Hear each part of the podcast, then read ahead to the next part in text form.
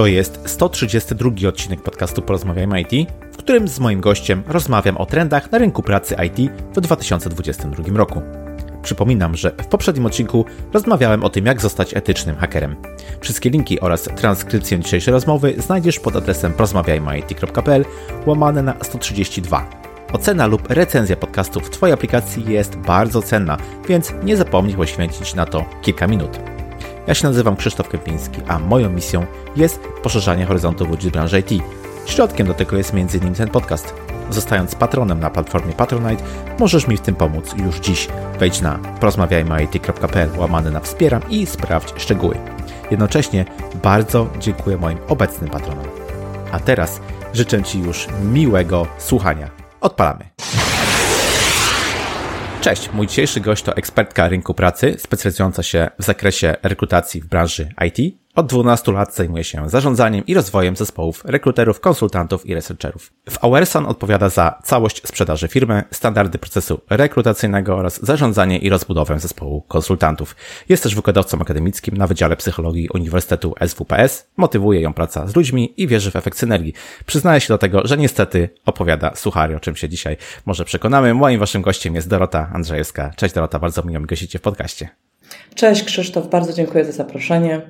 E, miło Cię poznać i mam nadzieję, że to będzie fajna rozmowa. Dziękuję bardzo.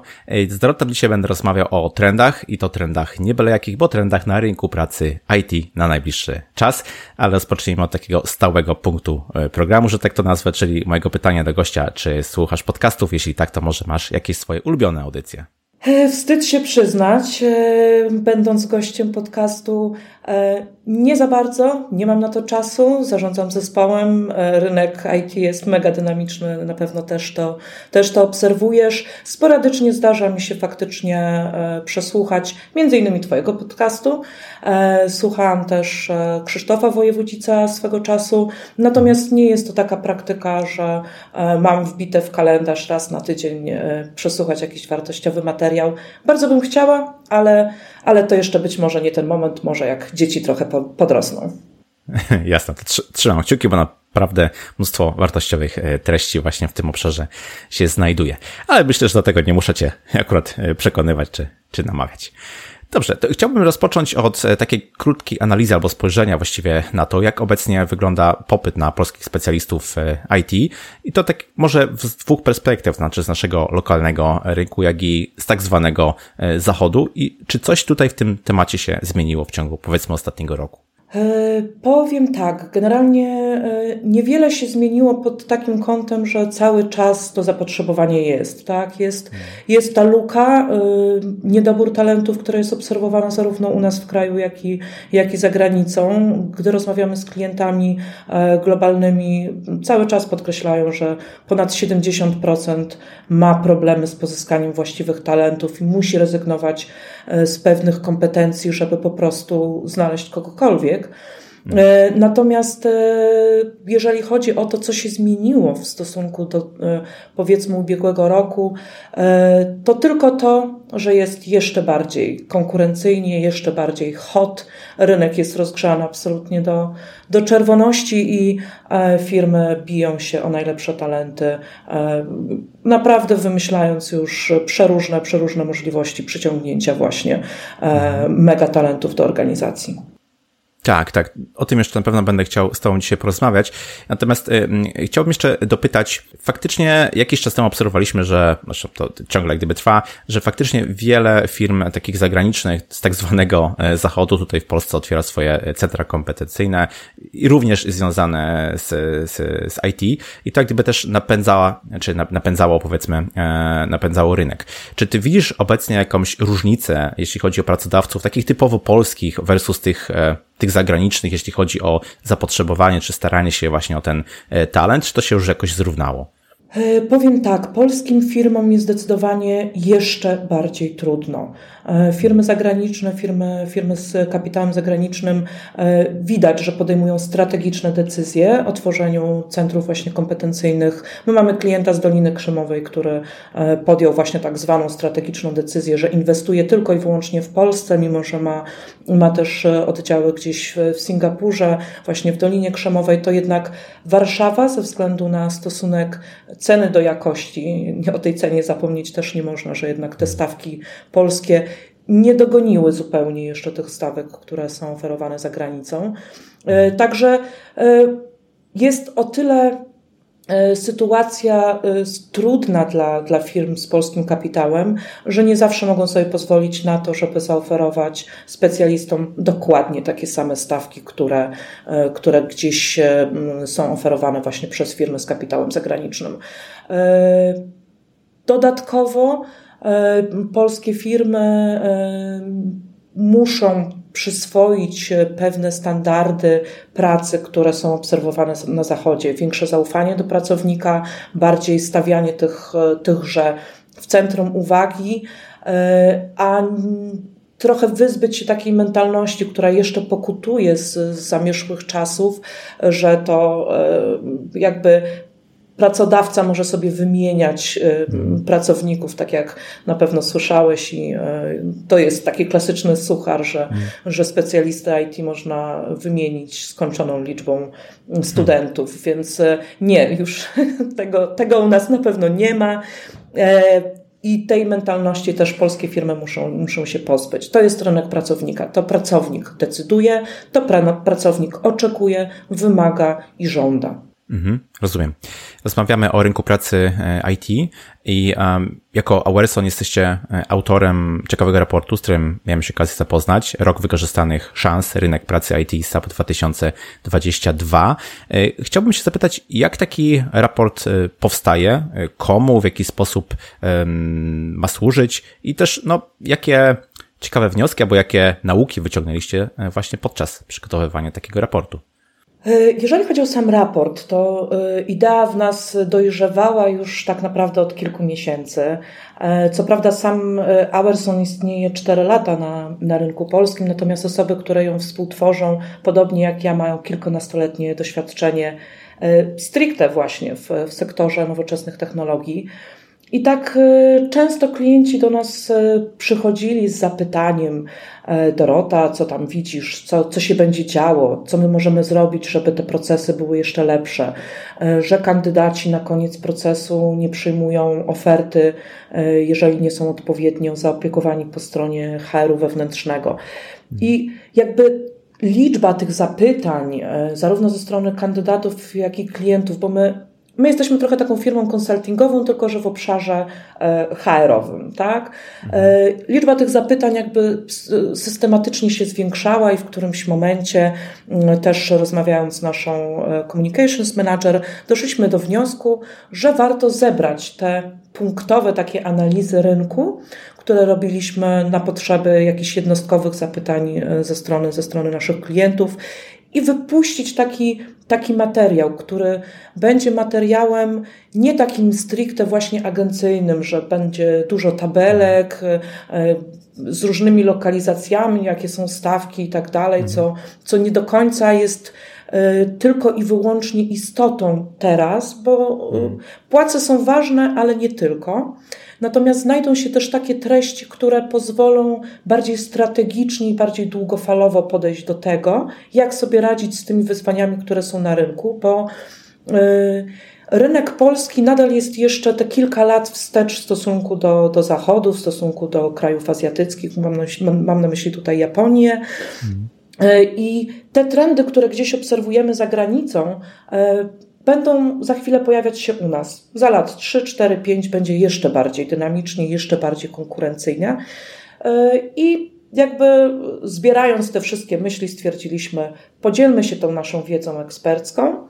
Widzimy, że są wyzwania. Nam zależy na tym, żeby, żeby firmy się rozwijały, żeby miały e, odpowiedź jakąś e, konkretną i nie ad hocową, tylko właśnie taką mhm. strategiczną na tę sytuację, którą, którą teraz mamy. Jest ona na pewno trudna, ale e, do udźwignięcia, jeżeli zrobi się to z głową.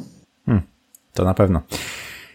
Właśnie, ja, ja się obracam jak gdyby bardziej w kręgu e, freelancerów IT, takich osób, które gdzieś na, na kontraktach e, świadczą swoje usługi, ale też wiem, że nie tylko freelancerzy, ale również software house'y, e, no, świadczą właśnie swoje usługi w dużej już mierze z, dla zagranicy, prawda? Staliśmy się już na tyle konkurencyjni, jednocześnie dojrzali i też jak gdyby takie zaufanie pokładane w nas powoduje to, że możemy nawiązywać takie e, relacje i współpracę e, nawet z Doliną Krzemową, tak jak tutaj e, właśnie przywołałaś.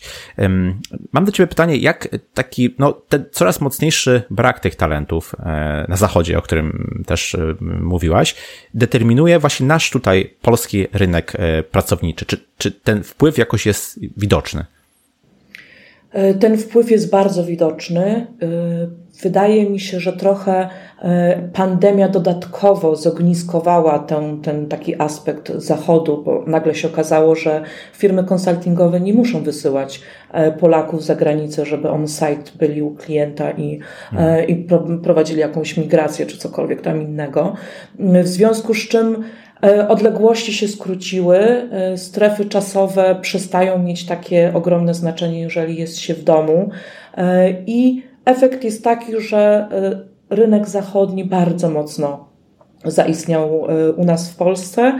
E, nasi kandydaci nam sygnalizują, że dostają oferty na dokładnie takim samym poziomie, tylko w innej walucie.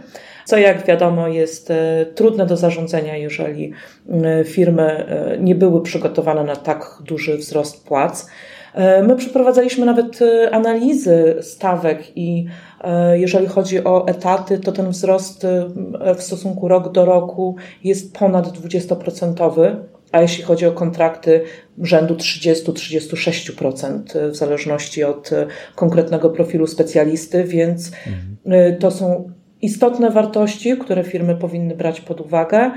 E, chwilowa czkawka związana z pandemią, tak, na moment e, zmusiła firmy do tego, żeby, żeby zaplanować, jak sobie poradzić z globalnym kryzysem. Natomiast e, teraz wszyscy nadrabiają, wszyscy, wszyscy starają się te straty, które ponieśli w roku pandemicznym, mimo wszystko nadrobić. I to widać nie tylko w branży IT, ale w branży IT chyba naj, najmocniej. Też tak myślę. Faktycznie było takie, powiedziałbym, chwilowe uwolnienie e, specjalistów związane trochę z tą niepewną sytuacją i z takimi, no, mało ryzykanckimi działaniami e, firm, no ale tak jak mówisz, no chwilę później okazało się, że wszystkie te osoby zostały ponownie e, szybko wessane do, do, do rynku i wręcz okazało się, że ta dziura jest jeszcze większa niż, niż była na początku. Zdecydowanie. No właśnie, ale jak gdyby Pytanie jest takie, o co właściwie te firmy się biją, tak? Przedziera się, nawet mam wrażenie, przez takie publiczne media od czasu do czasu informacja o tym, że polscy programiści gdzieś w jakimś konkursie wyciężyli, tak, że w jakichś rankingach dosyć, dosyć wysoko są. Y, chciałbym Cię zapytać, czy pod względem jakości pracy, chęci pracy, kompetencji y, polscy programiści no, nadrobili już, są na równi z, z całym światem, czy też może jest jeszcze coś, co trzeba wyrównać? Jeżeli chodzi o przygotowanie merytoryczne, jeżeli chodzi o poziom kompetencji, to nasi specjaliści absolutnie nie powinni w żaden sposób mieć e, jakichkolwiek kompleksów. E, czasem zdarza się, że e, jeszcze te bariery językowe się pojawiają, brak płynności e, w, w mówieniu, jeżeli ktoś nie pracował w międzynarodowym środowisku, bo czytanie po angielsku jest absolutnym standardem, jakby jeżeli chodzi o, o kwestie związane z informatykami. Natomiast czy nasi specjaliści mają cokolwiek sobie do zarzucenia? Nie, oni pracują na projektach ramię w ramię e, z, ze Skandynawami, ramię w ramię z Niemcami, ramię w ramię z Amerykanami. E, mamy człowieka, który robi w tym momencie gigantyczną fuzję 20 spółek zakupionych przez e, lidera technologicznego w Irlandii na projekcie złożonym właśnie z, z ludzi rozproszonych na całym świecie.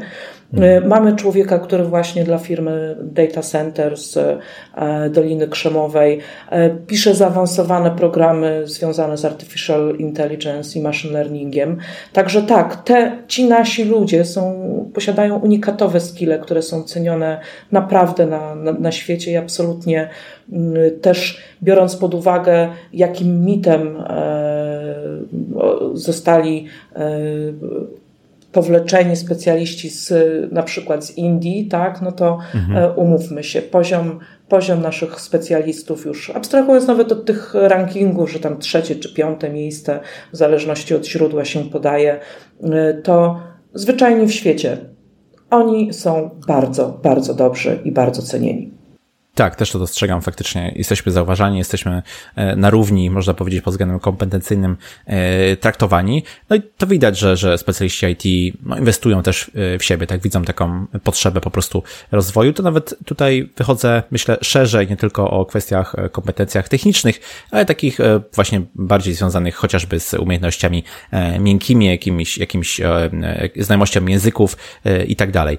Mm, chcę Cię zapytać, czy, czy z Waszych właśnie badań, czy, czy też obserwacji e, rynku, powiedzmy, e, wynika coś takiego jak, nie wiem, jakieś obszary, w których szczególnie specjaliści e, IT chcieliby się w tym najbliższym roku czy najbliższym czasie rozwijać? Bardzo fajnie, że, że ten wątek w ogóle wyniosłeś na stół, że tak powiem.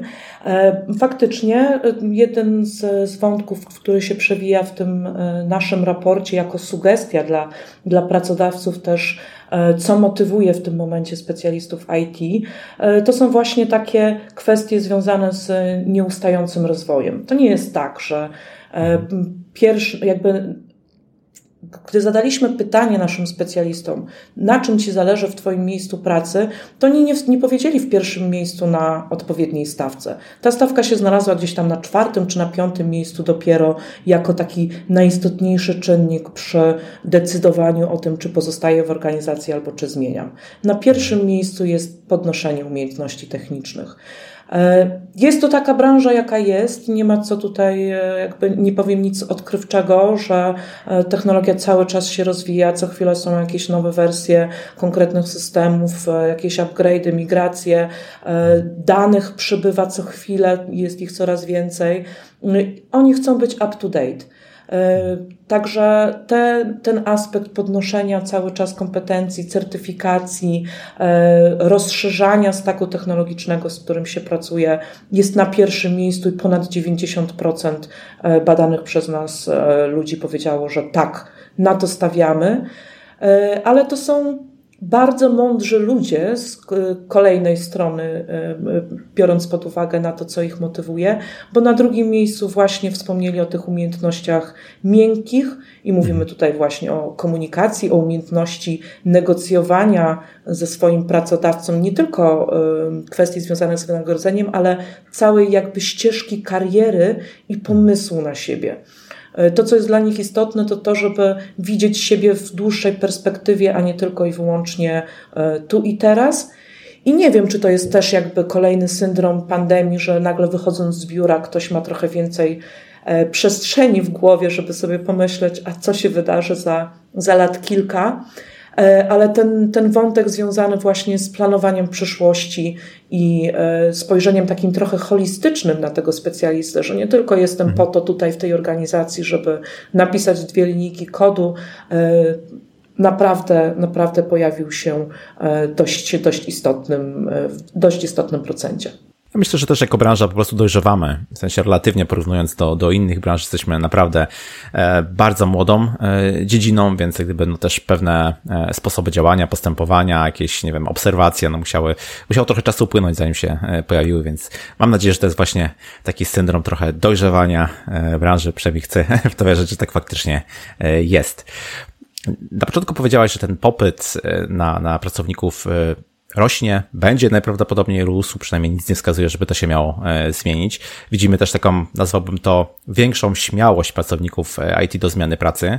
Oczywiście, tak gdyby ta, ta stabilność tego, że, że no, zawsze gdzieś ta praca się, można powiedzieć, tak w cudzysłowie, e, znajdzie, więc mogę sobie śmielej, powiedzmy, zagrywać, mogę wręcz uczestniczyć w procesach rekrutacji, nawet jeśli nie mam takiej mocnej potrzeby zmiany tej, tej, tej pracy. Czy to wszystko nie spowoduje, że w tym 2022 i w następnych latach no, będziemy obserwować większą liczbę szukających e, pracy w IT, a jednocześnie trudniej będzie znaleźć tych takich, powiedziałbym, doświadczonych e, specjalistów? Yy, chyba w pierwszej kolejności muszę sprostować jedną rzecz.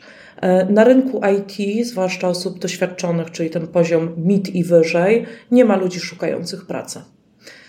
Nie ma. Po prostu praca szuka ludzi, tak? Te hordy rekruterów, które próbują um, atakować tych biednych specjalistów na LinkedInie i na wszystkich innych możliwych e, portalach e, społecznościowych, e, to już, to już po prostu jakby musimy się trochę pozbyć złudzenia, że jako pracodawca y, zamieścimy ogłoszenie na No Fluff Jobs czy na, na pracuj.pl i y, DevOps inżynier sam aplikuje i powie weźcie mnie i będę sobie negocjował stawki. Y, no niestety, generalnie to jest trend, który, który jest też obserwowany wszędzie, wszędzie w Polsce, także na zachodzie. Na zachodzie ten rynek jest jeszcze bardziej konkurencyjny. Stawki za usługi rekrutacyjne potrafią być nawet dwa razy wyższe niż, niż są u nas na rynku polskim. Także będzie tylko jeszcze trudniej, tylko jeszcze e, bardziej konkurencyjnie i ten sam człowiek będzie otrzymywał kilkanaście ofert pracy w tym samym, w tym samym czasie, więc e, mm, nie przewiduję niestety e, przynajmniej biorąc pod uwagę te trendy, które widzimy teraz i sytuację tu i teraz, żeby to się miało w najbliższym czasie i w ogóle zmienić. Rozumiem. Jestem ciekawy też, jak patrzysz na właśnie tych, tych doświadczonych, e, na te doświadczone osoby versus mm, juniorów albo osoby początkujące w kontekście e, rekrutacji, bo to, co ja obserwuję, to faktycznie coraz większa trudność w znalezieniu doświadczonych e, osób, ale jednocześnie zwiększa się pula osób albo zupełnie bez doświadczenia, albo takich, no, powiedzmy, wannabe, którzy chcieliby wejść do branży i nie jest to takie łatwe. Okazuje się, że, że albo tych ofert nie ma jeszcze zbyt wiele dla e, juniorów, no bo nie oszukujmy się, to też jest kwestia jakiejś inwestycji ze strony e, pracodawcy, e, albo te osoby nie mają takiego mm, w cudzysłowie skilla, żeby mogły się na dane stanowisko załapać. Jestem ciekawy, jak, jak poglądasz właśnie na, na tą różnicę i takie trochę rozwarstwienie niemożności zatrudnienia doświadczonej osoby, a jednocześnie rosnącej ilości osób początkujących, które by za wszelką cenę chciały się dostać do tej branży. E, faktycznie jest, e, jest taka sytuacja, że większość organizacji e, chciałoby po prostu zatrudnić człowieka, który usiądzie i będzie kodował, tak? A nie, że gdzieś go wdrażać, uczyć, doszkalać. I jest to sytuacja, z którą mimo wszystko będziemy musieli sobie poradzić w ten sposób, że Kolejna strategiczna decyzja y, organizacji będzie robienie, zatrudnianie osób z mniejszym doświadczeniem, bo po prostu tych talentów się nie da pozyskać. I y, Pojawiają się już takie inicjatywy y, w stylu akademia, nie wiem, konsultanta Ernst Younga albo gdzieś tam jakieś możliwości skończenia praktyk, bo duże, duże software house'y pracują z, z biurami karier na, na uniwersytetach. Y, no bo tak jak powiedziałam, ta luka, jeżeli chodzi o talenty, nie przestanie istnieć, a ktoś będzie musiał realnie te prace, y, te prace wykonać. Więc y, jedynym rozsądnym rozwiązaniem w takiej już perspektywie wręcz dekady, tudzież ćwierćwiecza jest zatrudnianie pewnych predyspozycji, bo osobowości nie da się e, nauczyć, natomiast doszkalanie w ramach e, konkretnej organizacji w obszarze tych kompetencji twardych. Okej, okay, jednym z takich możliwych podziałów tutaj jest właśnie doświadczenie, czyli osoby bardziej doświadczone i mniej doświadczone i jak gdyby tutaj ich pozycja na rynku pracy. Innym sposobem, myślę, może być też spojrzenie właśnie na te kompetencje twarde, czy też na obszary technologiczne, które będą najbardziej cenione, które najbardziej jakoś wpłyną na rynek pracy e, IT w najbliższym czasie. Czy jest e, coś takiego w Twojej opinii, co, e, nie wiem, co, w co szczególnie warto byłoby teraz zainwestować, jeśli chodzi o pozyskanie swoich kompetencji, albo takie obszary technologiczne, które najmocniej wpłyną na rynek pracy w najbliższym czasie? Na pewno jest pewna grupa e, konsultantów, pewna grupa programistów, ekspertów, specjalistów, którzy są bardziej pożądani. E, wiąże się to z kilkoma czynnikami. E, raz, że pandemia przyspieszyła migrację do chmury, w związku z czym wszystkie, wszystkie organizacje teraz na gwałt przeprowadzają transformację cyfrową i specjaliści, którzy mają doświadczenie właśnie w pracy z chmurą, są mega pożądani. E, kolejny aspekt e, jest związany z przetwarzaniem danych i to, co widzimy, że e, zewsząd docierają do nas spersonalizowane reklamy. Wszyscy teraz analizują, w jaki sposób dotrzeć do swojego klienta końcowego najbardziej efektywnie potrzebują zbierać te dane, które są po prostu z przeróżnych źródeł zagregowane, więc specjaliści z obszaru big data, specjaliści z obszaru właśnie artificial intelligence, machine learning, które e, pozwalają te dane przetworzyć, przeanalizować, plus zaprezentować odpowiednio przy, przy wykorzystaniu e, takich e, wskaźników, które są dla ludzi niebiznesowych czytelne, nietechnicznych, nie, nie, nie, nie, nie biznesowych. Mhm.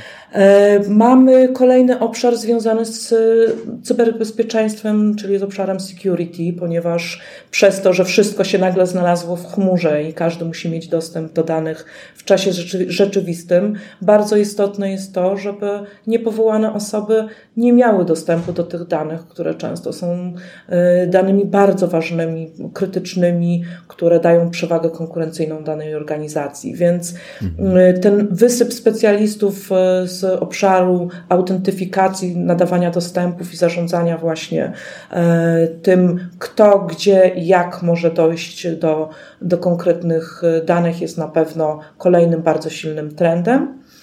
E, no i last but not least, na pewno muszę o tym wspomnieć jako firma, która wywodzi się z obszaru SAP, e, no to e, migracja na S4HANA z racji tego, że SAP mm. będzie przestawał wspierać swój ECC w najbliższym czasie. Teraz jest ta data podawana na 2027 rok, ale faktycznie u nas na rynku polskim niecałe 20% y, organizacji już jest w trakcie tej y, migracji na S4HANA, natomiast cała reszta będzie musiała podjąć e, strategiczną decyzję, czy, czy też korzystać z nowych rozwiązań, które są wspierane przez SAP-a, czy jakoś radzić sobie własnymi siłami e, co spowoduje na pewno, że dużo trudniej będzie im pozyskać talenty do organizacji, bo nikt nie chce korzystać ze starych technologii, hmm. zwłaszcza w obszarze nowoczesnych technologii. No właśnie, właśnie. To jest ten trend, o którym powiedziałaś, że każdy by chciał pracować z tymi e, edge bleeding technology, technologies, z tymi faktycznie używanymi przez e, największe e, potęgi technologiczne nowymi rozwiązaniami. Wcale się nie dziwię. I to jest, tak jak zaznaczyłaś na początku, jedna z tych rzeczy, która powoduje, że talenty są skłonne, tak, przejść do, przejść do nowego projektu. Chciałem Cię zapytać szerzej właśnie w tym kontekście. Jeśli nie pieniądze, to co może spowodować, że uda się skusić właśnie taką, takiego specjalistę albo zatrzymać takiego inżyniera e, w firmie? Co działa, co nie działa? Mm, Krzysiek, powiem tak, generalnie nie ma dwóch takich samych ludzi. Y, ja jestem w ogóle psychologiem z wykształcenia, także nie lubię bardzo mocno generalizować y, na takiej zasadzie, że na pewno na tego zadziała owocowy piątek, a na tego zadziała praca w pełni zdalna. Różnie bywa.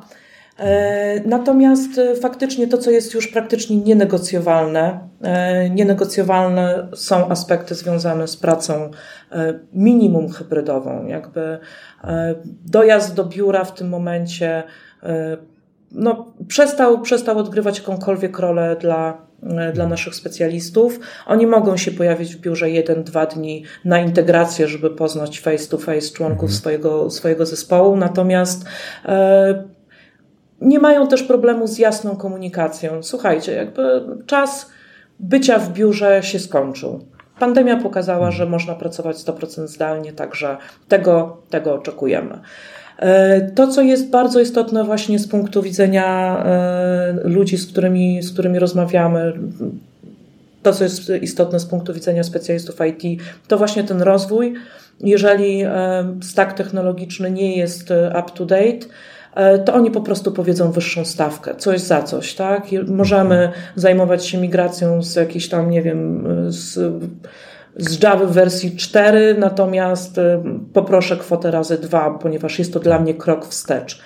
Więc e, nowoczesne technologie, możliwości indywidualnego właśnie podejścia, zaplanowania ścieżki kariery, certyfikacji, wyjazdy czasem zagraniczne też mogą konkretną osobę zmotywować do tego, żeby dołączyć do organizacji.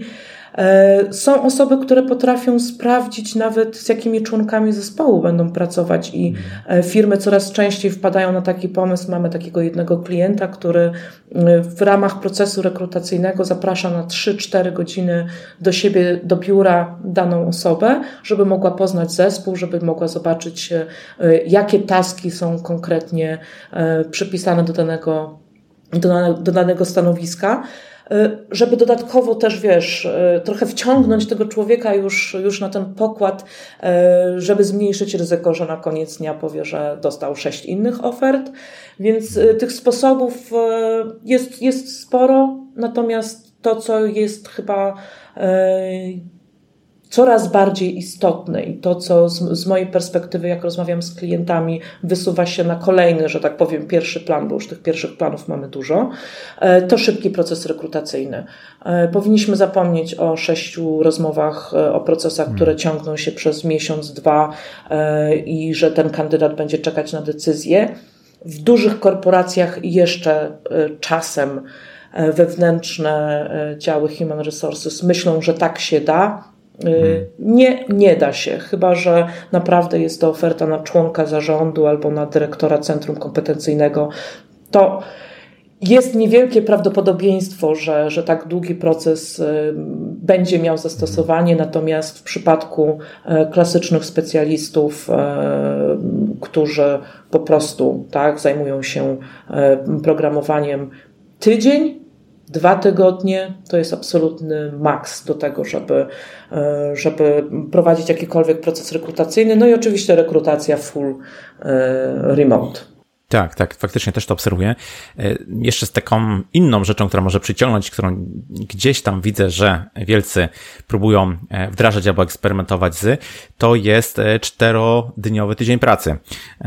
To na początku może się wydawać śmieszne, ale faktycznie w dobie tych trochę zmian pokoleniowych, które, które obecnie zachodzą i takiej trochę bardziej tendencji albo skłonności do tego, żeby mm, nie skupiać się tylko w życiu na pracy, to może być całkiem fajny benefit.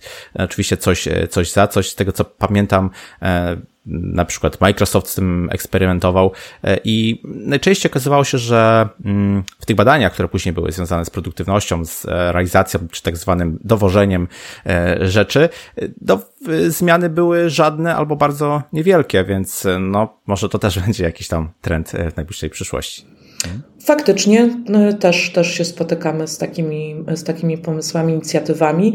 Jest jeszcze jeden pomysł w postaci takim, że część jakaś procentowa część czasu pracy może być przeznaczona na samorozwój, szeroko rozumiany, gdzieś wynegocjowany ze swoim potencjalnym mm, przyszłym pracodawcą, e, spójny z tą ścieżką kariery indywidualnie zaplanowaną. Także to jest jakby kolejna inicjatywa, e, w jaki sposób organizacje starają się zaadresować e, i wyróżnić trochę na rynku, że ten pracownik jest w centrum uwagi.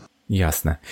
Chciałbym jeszcze chwilkę pociągnąć ten wątek e, finansowy, no bo to jednak e, płace, wzrost tych e, płac w, w, w IT w ostatnim czasie to był jeden z tych motorów, który przyciągał właśnie tutaj nowe, nowe osoby. Czasami to aż mitami gdzieś tam obrastało. Chcę Cię zapytać, czy w 2022 kolejnych latach nadal będziemy obserwować właśnie taką presję płacową na to, na to, żeby podnosić te wynagrodzenia, czy to jest być może coś naturalnego, no bo inflacja idzie do góry, zmiany podatkowe przed nami, więc e, czy to jest naturalne, czy to jest ta, ta presja e, płacowa jest, można powiedzieć, uzasadniona, czy też z racji na niedobór e, pracowników taka, nie inna? Powiem tak, generalnie miałam ogromną nadzieję, że ta hipotetycznie nazywana, nie, mitycznie nazywana bańka e, płacowa za chwilę, za chwilę pęknie i miałam taką nadzieję, że e, doszliśmy już do pewnego progu bólu. E, ale niestety nic, nic tego nie zapowiada. Tak jak wspomniałam, to, że bardzo mocno firmy z zagranicy wkroczyły na rynek, na rynek polski, sprawia, że te płace będą cały czas rosły.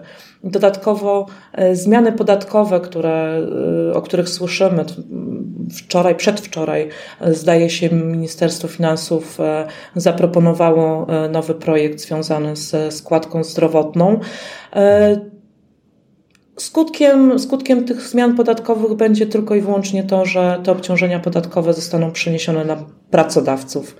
E, ponieważ e, jakby specjalista, e, który jest rozchwytywana, jasno zakomunikuje, że jego interesuje kwota, którą ma do ręki, a nie jakieś obciążenia podatkowe, które wymyślił, wymyślił nasz rząd. Także konkurencja będzie jeszcze większa.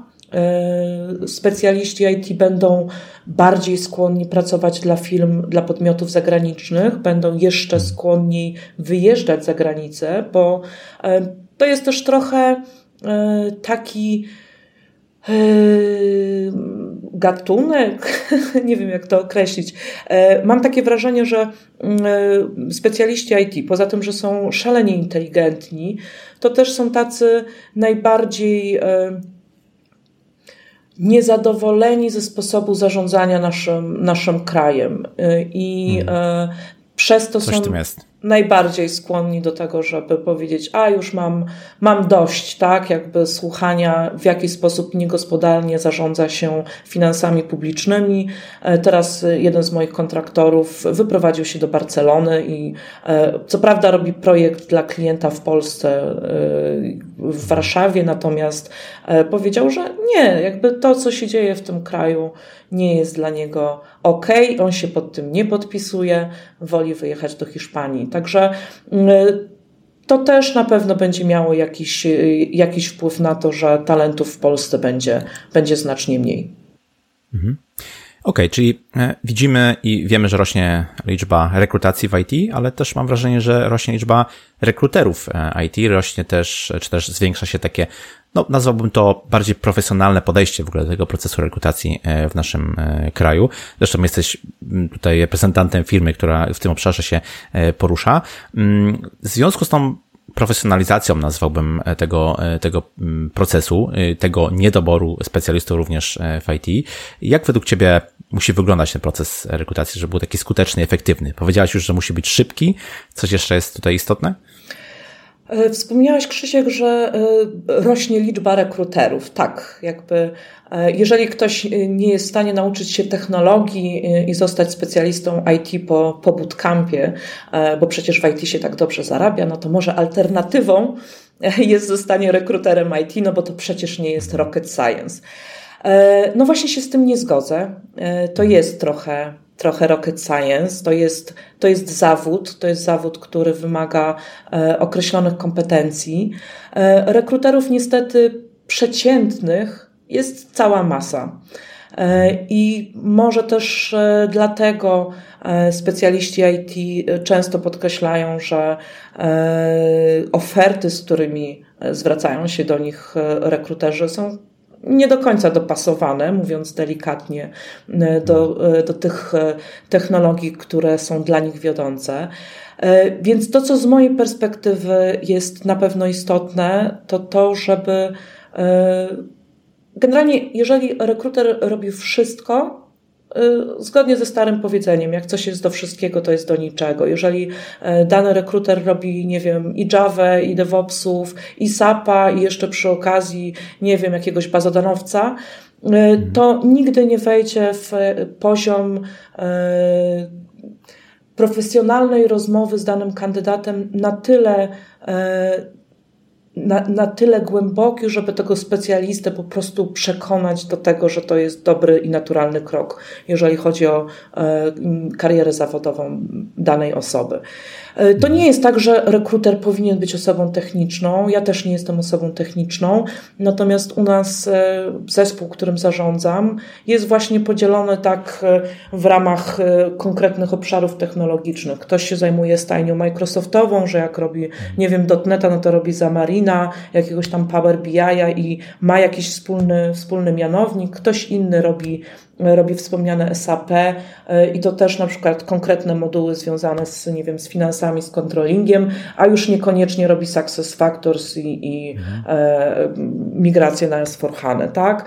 Więc y, im Im większa wiedza odnośnie konkretnych technologii, im większe, lepsze merytoryczne przygotowanie, to też większa szansa, że jak dotrze się do danego kandydata, to on będzie zainteresowany procesem mhm. rekrutacyjnym.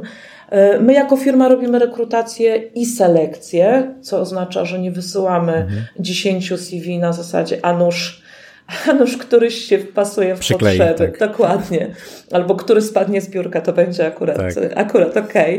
Okay. Naprawdę potrafimy wysłać jednego kandydata, który jest e, tak zwanym złotym strzałem i, i to jest dla mnie oszczędność czasu zarówno e, tego kandydata, jak i, jak i klienta. Zresztą kandydat w procesie jest dla mnie e, tak samo klientem. Ja jestem jego menadżerem, agentem, prowadzę go przez cały ten proces rekrutacyjny za rękę. Hmm. Więc, e, więc tak to wygląda i dzięki temu też e, no jest większa szansa na to, że ten proces będzie, będzie zakończony z sukcesem. Ja często się w ogóle bawię w adwokata diabła i nigdy nie maluję danej oferty, nie koloryzuję dodatkowo, bo to nie leży w moim interesie absolutnie, żeby hej, wiesz, idź tam, popracuj trzy miesiące, klient mi zapłaci, generalnie będzie fajnie, poznasz jakichś ludzi, jakaś kolejna relacja na pewno ci się przyda. To nie ma sensu. Jakby takie krótkie strzały e, mm, po prostu psują tylko, tylko markę i wizerunek e, ciebie jako profesjonalnej osoby, która, która stara się e, znaleźć danej osobie właśnie najfajniejszy mhm. możliwy krok, jeżeli chodzi o karierę zawodową. Tak. E, cieszę się, że o tym mówisz, bo tak coraz częściej właśnie słyszę takie sygnały, że to jednak utrzymywanie relacji z kandydatami jest ważniejsze, a nie jednorazowe, takie ad hocowe e, działanie, tak, że kogoś e, na siłę tutaj wepchnę, zamknę ten proces rekrutacji, prawda, i, i, i z głowy i następny. Okazuje się, że jednak takie, można powiedzieć, bardziej wymagające, ale mimo wszystko utrzymywanie relacji długoterminowo zdecydowanie bardziej się opłaca po prostu. Zdecydowanie tak, a przy okazji tak jesteśmy ludźmi, więc e, e, jeżeli e, widzimy po drugiej stronie człowieka, ta etyka zawodowa moim zdaniem ma bardzo, bardzo duże znaczenie, żeby być święcie przekonanym, że moja, moja praca wpływa na czyjeś życie na przestrzeni kilku kolejnych, kolejnych mhm. lat. No bo też zmiana pracy najczęściej tak, tak, tak przebiega i ma takie konsekwencje w życiu danej osoby. Oczywiście. Na koniec chciałbym Cię zapytać, jak wszystkie te trendy, o których tutaj dzisiaj e, powiedziałaś, wpłyną no, na środowisko IT, powiedzmy, w Polsce. I to zarówno na pracowników, e, jak i na pracodawców. W którym e, kierunku to będzie zmierzało według Ciebie?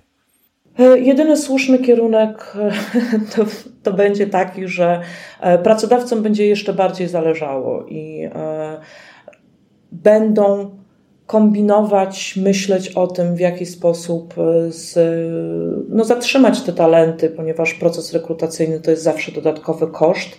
E, transfer wiedzy to jest zawsze dodatkowy koszt, to jest też ryzyko jakichś przestojów, niedowożenia konkretnych elementów e, strategii biznesowej.